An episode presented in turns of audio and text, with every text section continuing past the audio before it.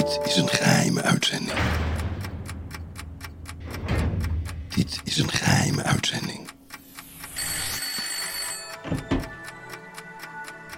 Zet je aluminiumhoedje op en blindeer de ramen, want de overheid luistert mee.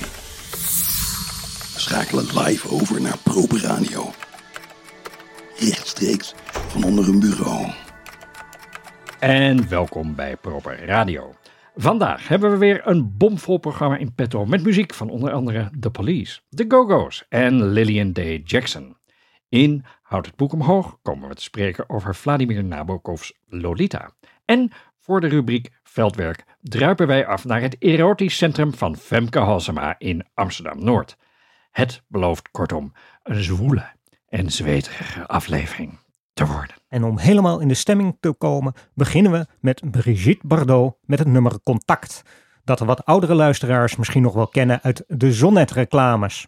U weet nog wel, de in het jaar 1999 door Versatel, Radio 538 en de Free Record Shop opgerichte gratis internetprovider. En dat was natuurlijk voor het barsten van de eerste internetbubbel. Gratis kan nu goedkoper, was het motto. Want voor slechts 5 euro per maand kreeg je 35% korting op je telefoon tikken.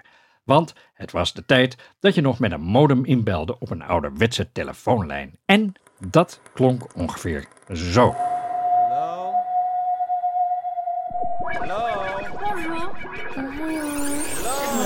Hallo. Hallo. Hallo.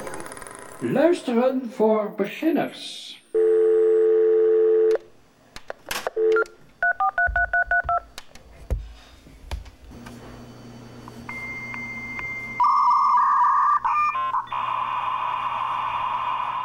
Nou, en die telefoontikken, die betaalde je dus per minuut.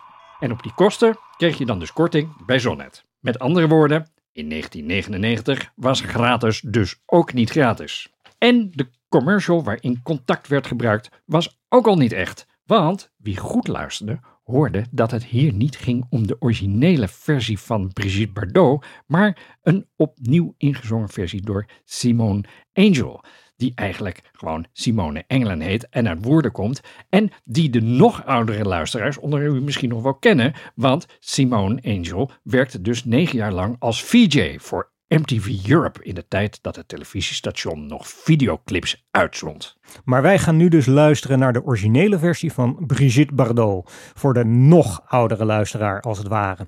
Want deze versie stamt uit het revolutiejaar 1968 en is geschreven door Serge Gainsbourg, die jullie natuurlijk allemaal kennen uit de Proper Radio-uitzendingen van Proper Senior. Daarover straks meer. Nu gaan we eerst luisteren naar Contact, zoals gezongen door Brigitte Bardot. Un météorite m'a percé le cœur.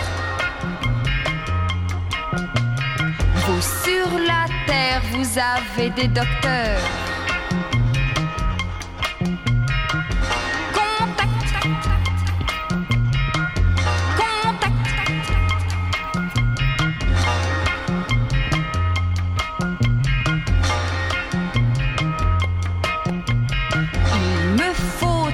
Transfusion de mercure.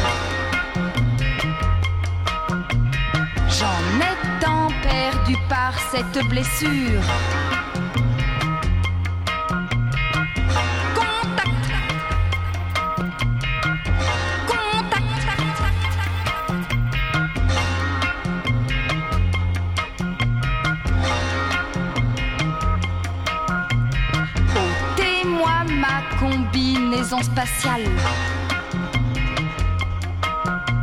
Retirez-moi cette poussière sidérale.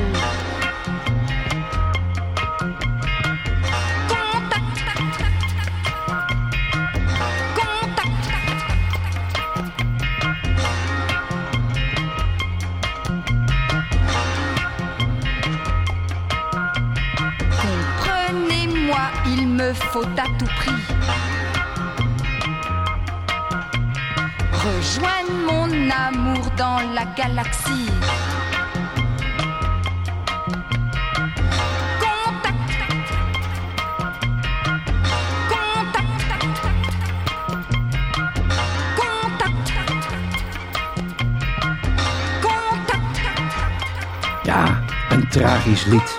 Brigitte Bardot is een ruimtewezen wiens hart is doorboord door een meteoriet en die nu naar de aarde komt omdat wij op aarde doktoren hebben. Ja, dat was die tijd hè, waarin alle vrouwen opeens ruimtewezens waren. Barbarella met Jane Fonda is ook zo'n voorbeeld uit hetzelfde jaar. Ja, science fiction. Maar waarom toch? Nou, dat is natuurlijk. Kijk, in die tijd zat iedereen natuurlijk bovenop dat hele ruimtereizen, omdat de Russen en de Amerikanen bezig waren met hun strijd om het heelal.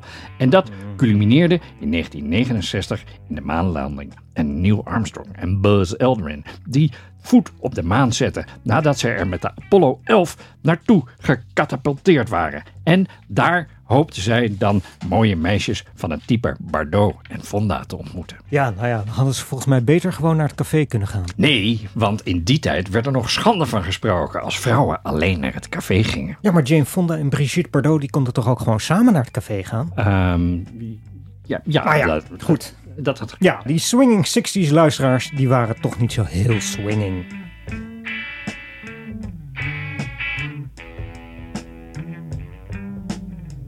Là-bas, sur le capot de cette Silver Ghost de 1910, s'avance en éclaireur. La Vénus d'argent du radiateur, dont les voiles légers volent aux avant-postes.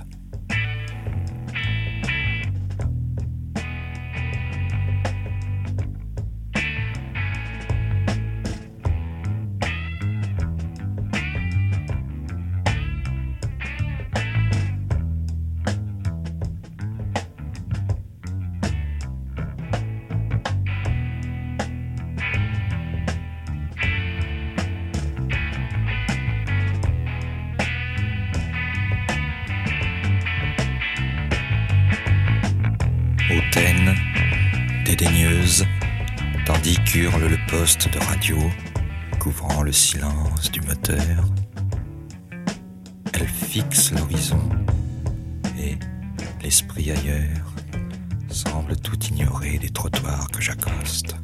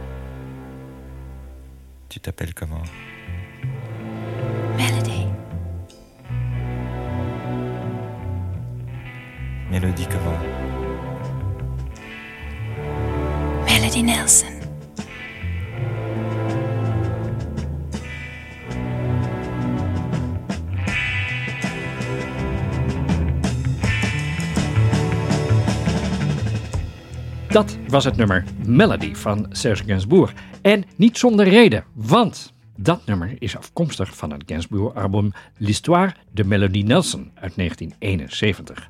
Een plaat die een soort ode was aan Vladimir Nabokov's Lolita.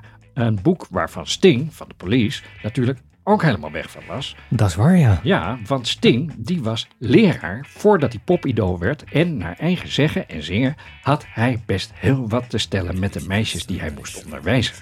Getuigen ook het nummer. Don't stand so close to me. Precies, want daarin geeft hij aan dat hij zich wel met Humbert Humbert uit Nabokov's Lolita kan identificeren. Just like the old man in that book by Nabokov, zingt hij daar. Nou, Ja. Laten we daar dan ook maar even naar luisteren. En dan kom ik daarna wel weer terug op Melanie Nelson. Ehm, Oké. dit zijn de Police met het nummer Don't Stand So Close To Me in de live uitvoering zoals zij die speelde tijdens de reunie-tournee uit het jaar 2003. Daar hebben we ook nog wel wat over te vertellen, maar misschien moeten we dat een andere keer doen. Ja, laten we luisteren.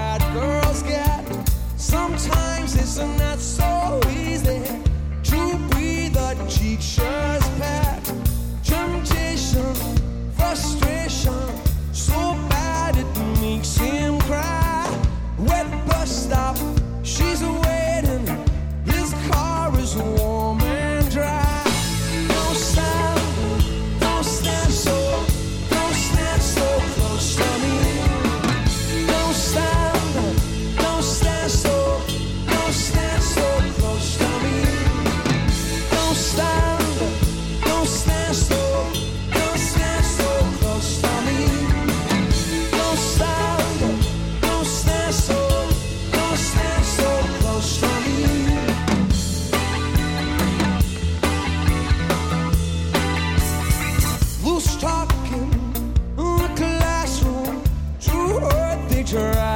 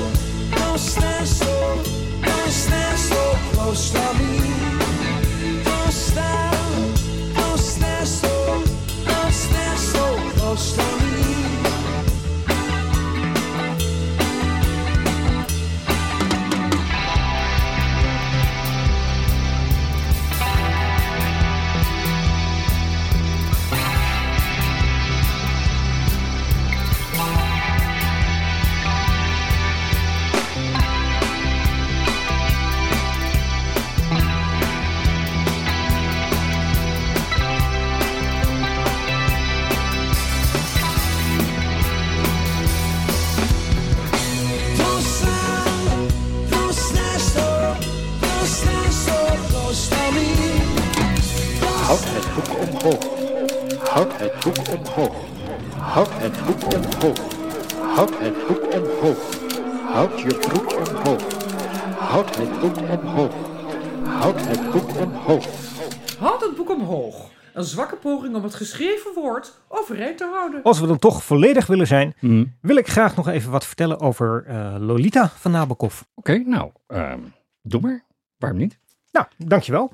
Wat ik wilde zeggen is dat eh, Nabokov eigenlijk misschien wel de meest Amerikaanse Amerikaanse schrijver is. En Lolita is misschien wel de enige echte Great American Novel. hey, maar wacht even, wacht even. Er zijn Ja. heel veel The Great American Novels, toch? Ik bedoel, Ja. de- of in elk geval boeken die zich dat noemen. De, eh, Ja, de, de- de, de- The Grapes of Wrath van Steinbeck. Of Bijvoorbeeld. ehm, uh, The Great Gatsby van, van eh, Sc- Scott, Scott Fitzgerald. Precies. En The Adventures of eh, Huckleberry Finn van Mark Twain. Maar Lolita, waarom hoort die daarbij? Ik heb, bedoel, dat heb Nou, ik nog nooit gehoord. Leg eens uit. Ja, het grappige is dat jij dus Mark Twain noemt. Ja. Want die heeft ooit gezegd dat Amerika geen plaats is, maar een weg. Hmm. En als er één schrijver is die dat concept in de praktijk heeft gebracht. Ja, maar dat weet dan- ik. Mag ik het Ja? zeggen? Mag ik het zeggen? Ja, zeg het maar. Jack Kerouac.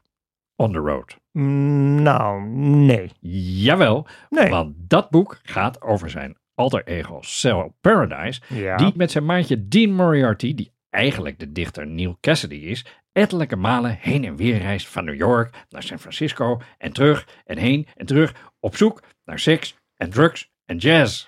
Hence Ja. de titel. Amerika als een weg. Dus. Ja, maar nee, helemaal fout. Kijk, er is namelijk één schrijver die veel meer kilometers heeft afgelegd dan Jack Kerouac Mhm. of Scott Fitzgerald of Steinbeck, want dat waren ook allemaal echte kilometervreters. Mhm. En die schrijver is dus niemand anders dan Vladimir Vladimirovich Nabokov. Hmm. Naar schatting legde hij in de 37 jaar dat hij in de Verenigde Staten woonde een duizelingwekkende 150.000 mijl af. Ja. Ofwel zo'n 225.000 kilometer. ja, dat lijkt heel wat, luisteraars. Maar Dat is ook heel wat. De maan is bijvoorbeeld nog een slordige 110.000 kilometer verder. Ja. En dit even terzijde. Dat sorry. Dus, eh, maar ga Goed. verder. Maar Ja, nee, want dat kan Ja. wel zijn. Maar hij heeft dus wel veel meer van de Verenigde Staten gezien dan vermoedelijk al die andere Amerikaanse schrijvers samen. ja, En in Lolita komen alle indrukken die hij tijdens zijn reizen heeft opgedaan, komen er terug. De bergen, de bossen, de stoffige wegen, de afgelegen hotels, de smoezelige diners met plakkerige tafeltjes en roadside bars met bizarre namen en nog veel bizardere reclameborden. Ja. Echt, het, het, het zit er allemaal in. En het Ja. idee voor Lolita, dat ontstond dus ook tijdens een van zijn reizen, toen hij onderweg was. En het boek is dus echt minstens zoveel een road novel als een verhaal over een man van middelbare leeftijd die een 12-jarig meisje ontvoert en misbruikt. ja, ja. Ja. Interessant. Toch? Nou, ik vind, ja, ik vind het... Ja, daar zit ik even te rekenen. Ja. Eh, 37 jaar, 225.000 kilometer. ja. Eh, nou ja, dat is toch, toch wel zo'n 6000 kilometer per jaar. En daarmee ga je toch wel één keer ieder jaar de, de Verenigde Staten gewoon heen en weer. Ik bedoel, Ja. Het, voor eh, ja, onrustig type hoor, die eh Nabokov. Nee, en dan moet je dus ook nog bedenken dat hij later in zijn leven natuurlijk minder reisde. Ja. Dus de meeste van die kilometers maakte hij in 20 jaar in de jaren 50 en 60. Ik vind dat wel een intrigerend beeld. Zo'n zo'n Rus die op het hoogtepunt van de Koude Oorlog dat, dat hele Amerika doorjakkert. Heen en Ja. weer op zoek naar ja, Ongelooflijk, bommenwerpers, eh, geheimen. Misschien was hij dus toch gewoon wel een, een stiekem nog een spion voor de Russen. Nou wat, ja. wat, wat, wat denk je dat, wat, wat zou die anders gezocht hebben? Nou ja, vlinders. Hè, vlinders? Eh, Ja. Wacht even hoor. Ik vind dat, waar, waar vlinders? Oké. Vlinders. Van die... Nou, eigenlijk moeten we het over Serge Gainsbourg hebben. Maar die vlinders, dat intrigeert me toch wel. Vertel even verder. Hoe zit dat dan? Dat zit zo. Ja. Eh, Nabokov, die Hmm. was een eh, zogeheten lepidopterist. Mhm. En een lepidopterist, beste luisteraars, dat is iemand die op vlinders jaagt.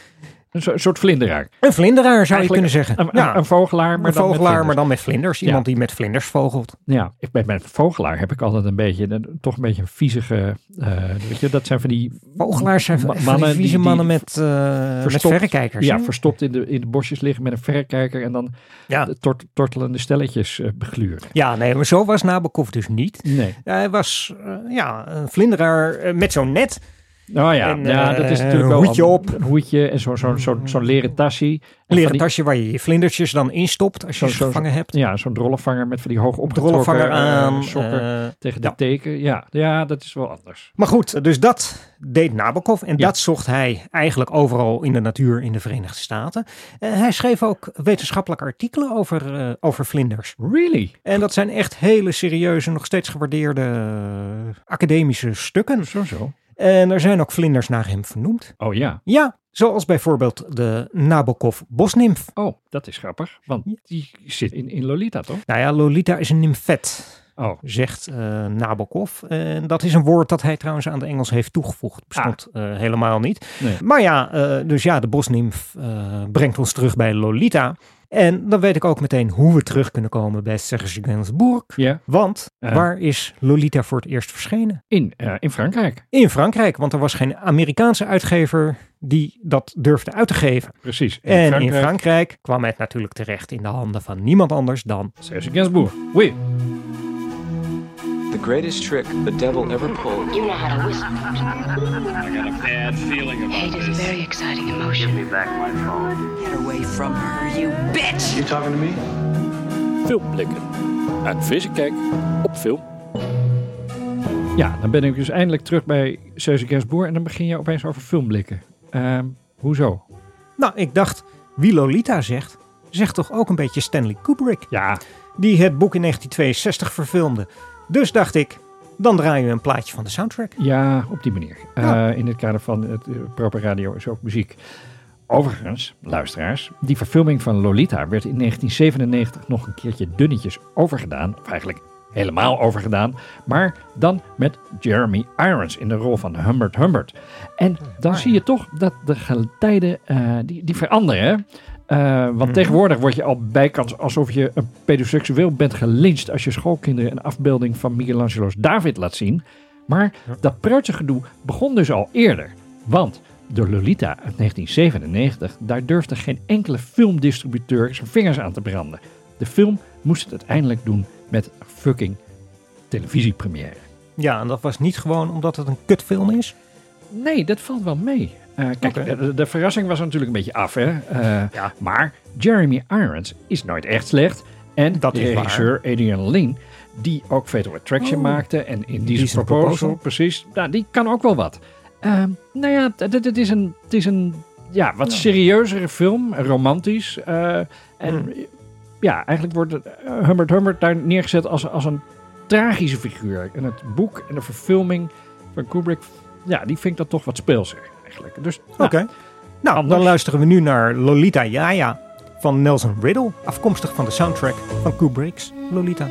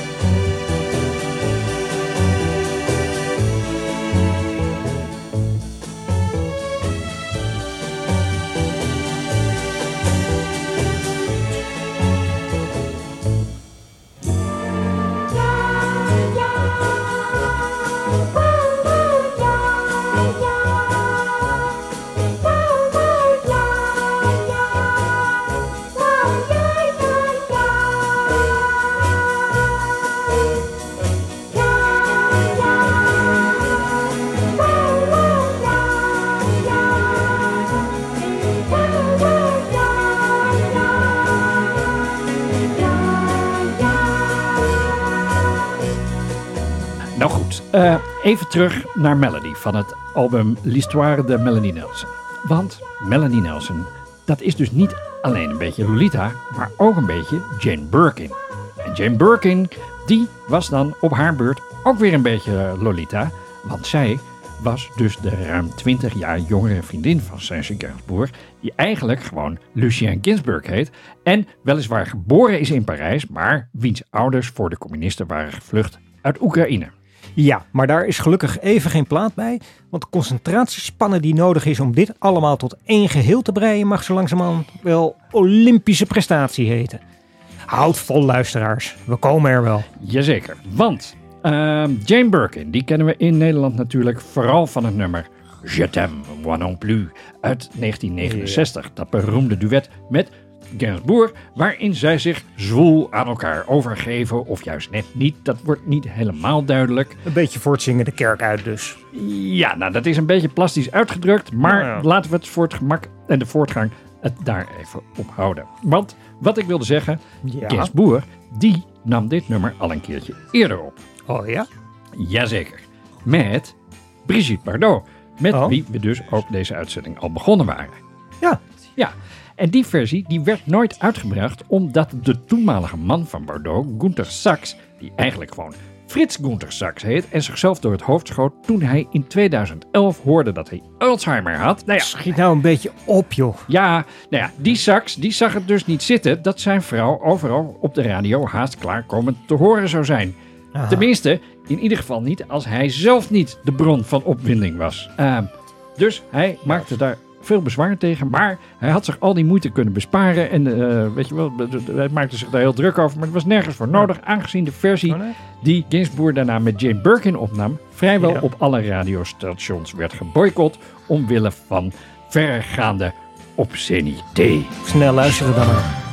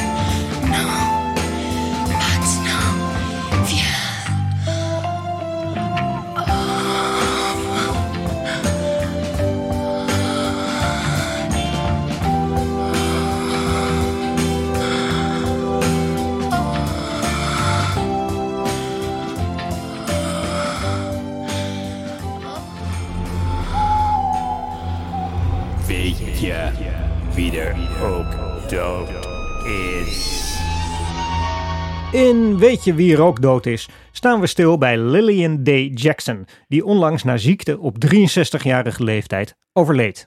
En Lillian Day Jackson kennen we natuurlijk allemaal nog als de zangeres van de Nederlandse disco-sensatie Spargo, die Juist. in 1980 een bescheiden wereldhit scoorde met het nummer You and Me. Uh, Maar wacht even, want uh, foute plaatjes draaien is één ding, maar er zijn altijd ook wel een beetje grenzen.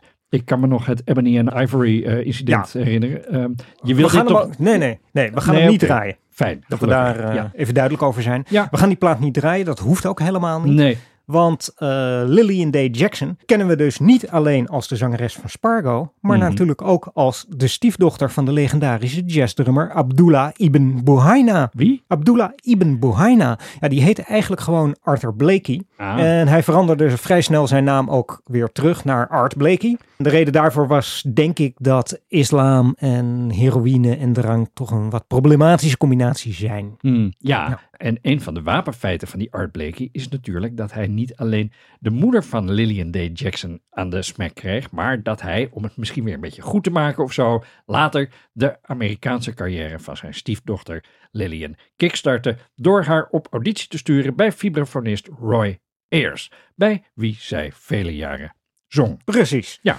Maar in het proper radioplatenarchief kon ik niet zo snel een goede opname daarvan vinden. Wat raar. Heb je gekeken onder de R of onder de A? Onder de V van vibrafoon. Hmm. Zal ik anders niet. straks nog even onder de A kijken? Onder de A, maar waarom zou Roy Ayers onder de A staan? Ja, of onder de R.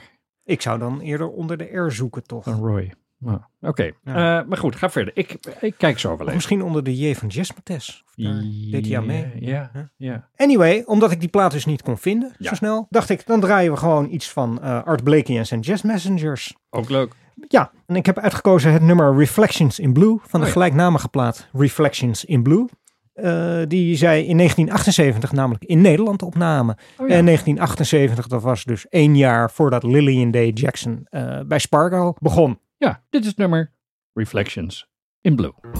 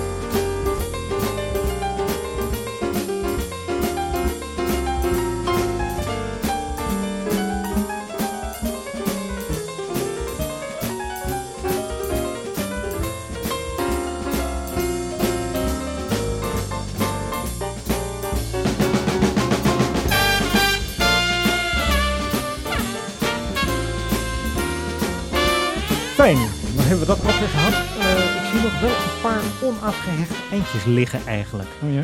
Ja, Ehm, ja. dat contact Ja. waarmee we de uitzending begonnen, Mhm. dat werd dus in 2007 ook nog eens opgenomen door Belinda Carlisle.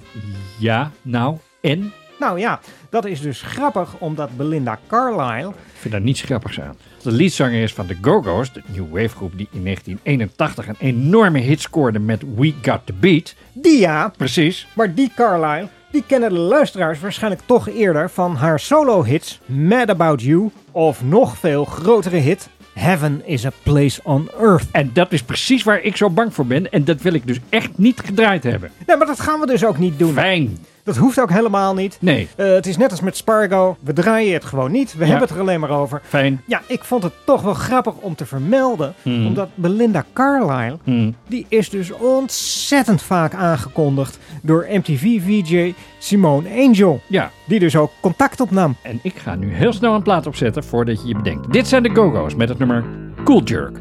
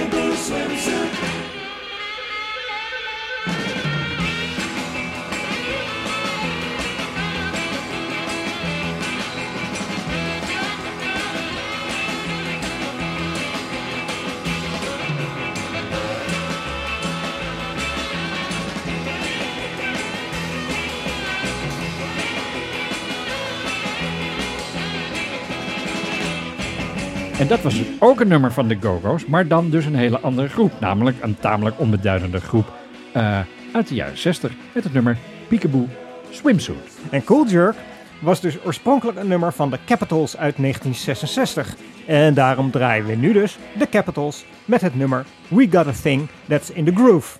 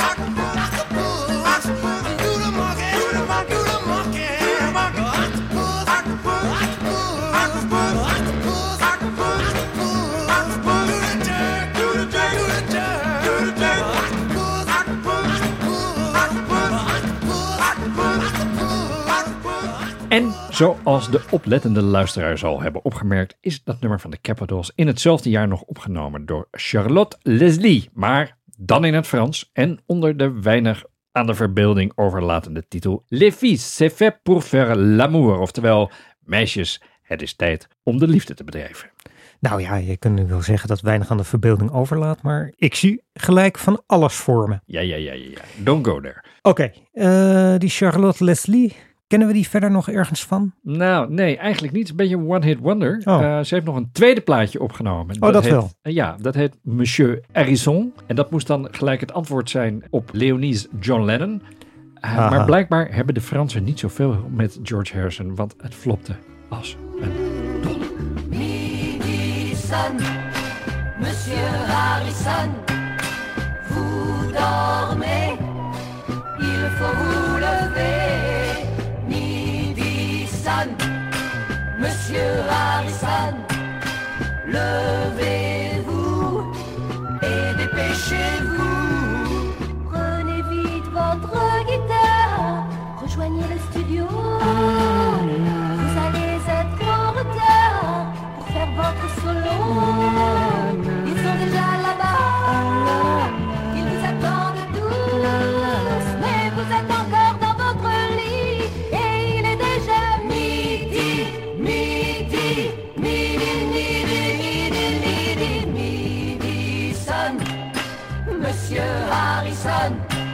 Poeh, dat houdt er inderdaad niet over. Nee, Zeg. zeg, tjurtje. Ja. Nou, maar ik heb een idee, niet getreurd.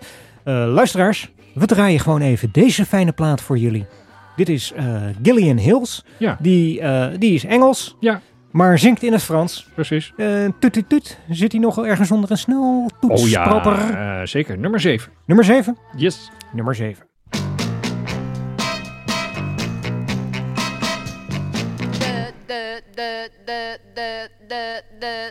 Voilà, c'est comme ça depuis dix heures ce matin. Ce n'est pas libre, ce n'est pas libre. Je sens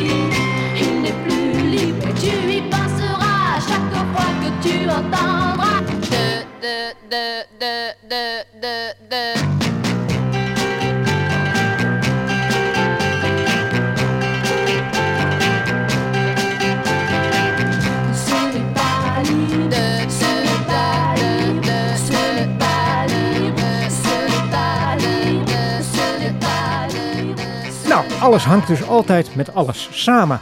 Dat blijkt maar weer. En dan schakelen we nu rechtstreeks over naar Amsterdam Noord voor onze rubriek Veldwerk.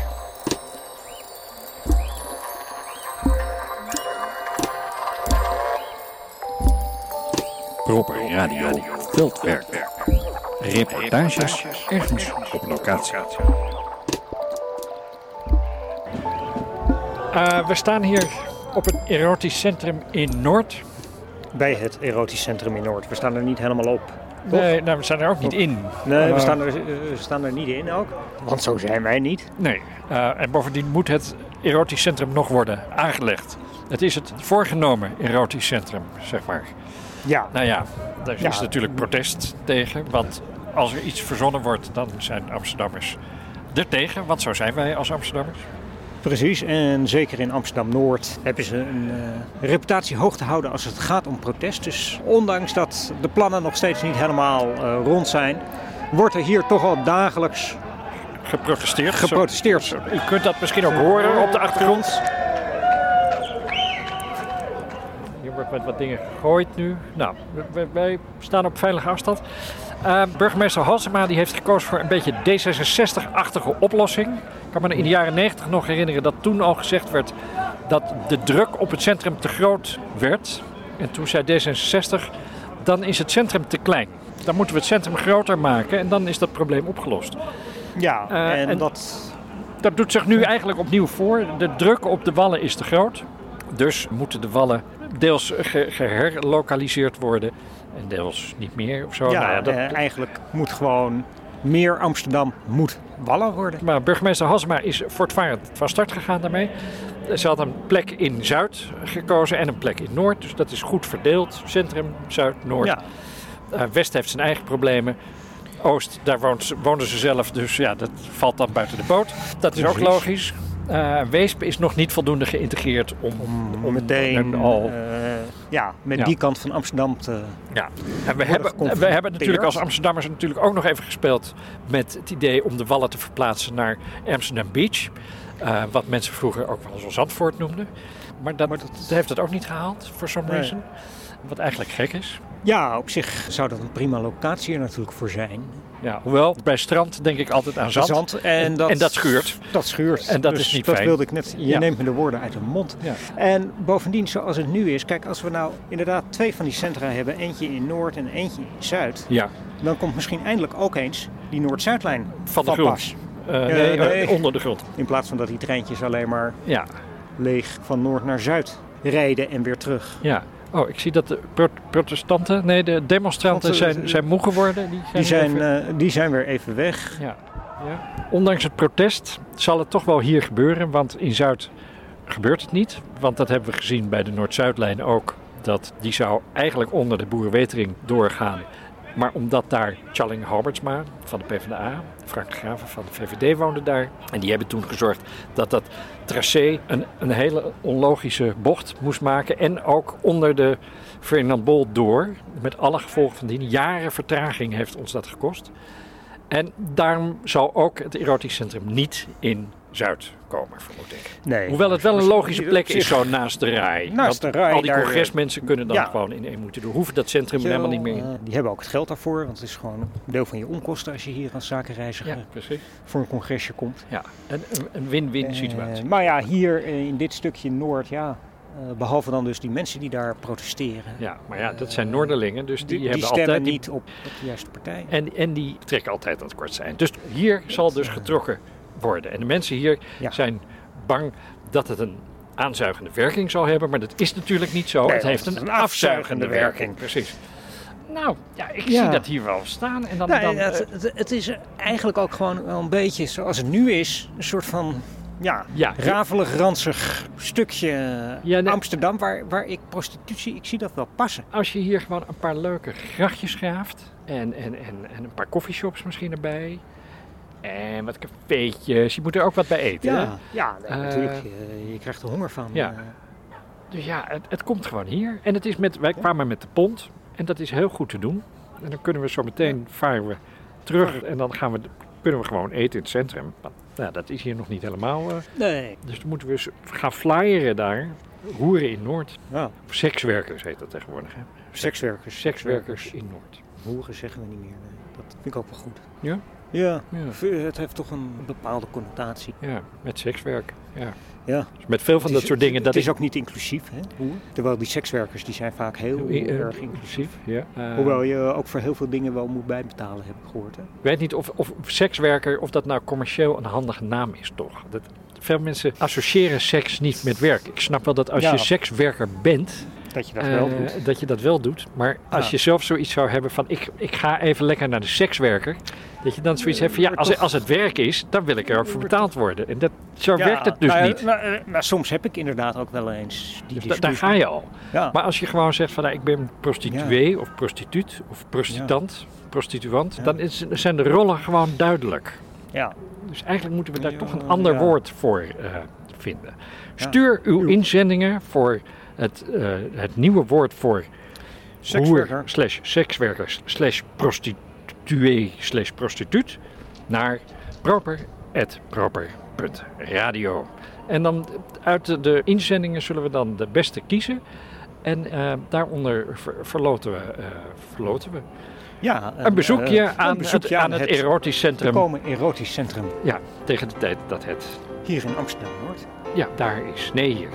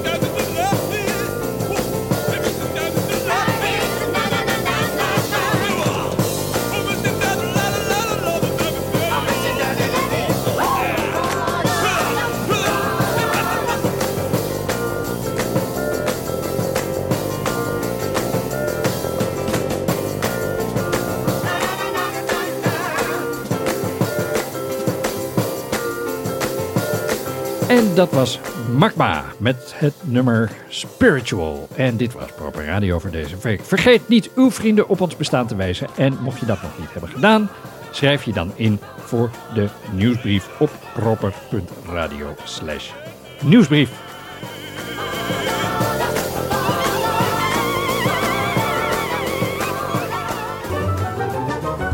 Een uitzending op Proper Radio.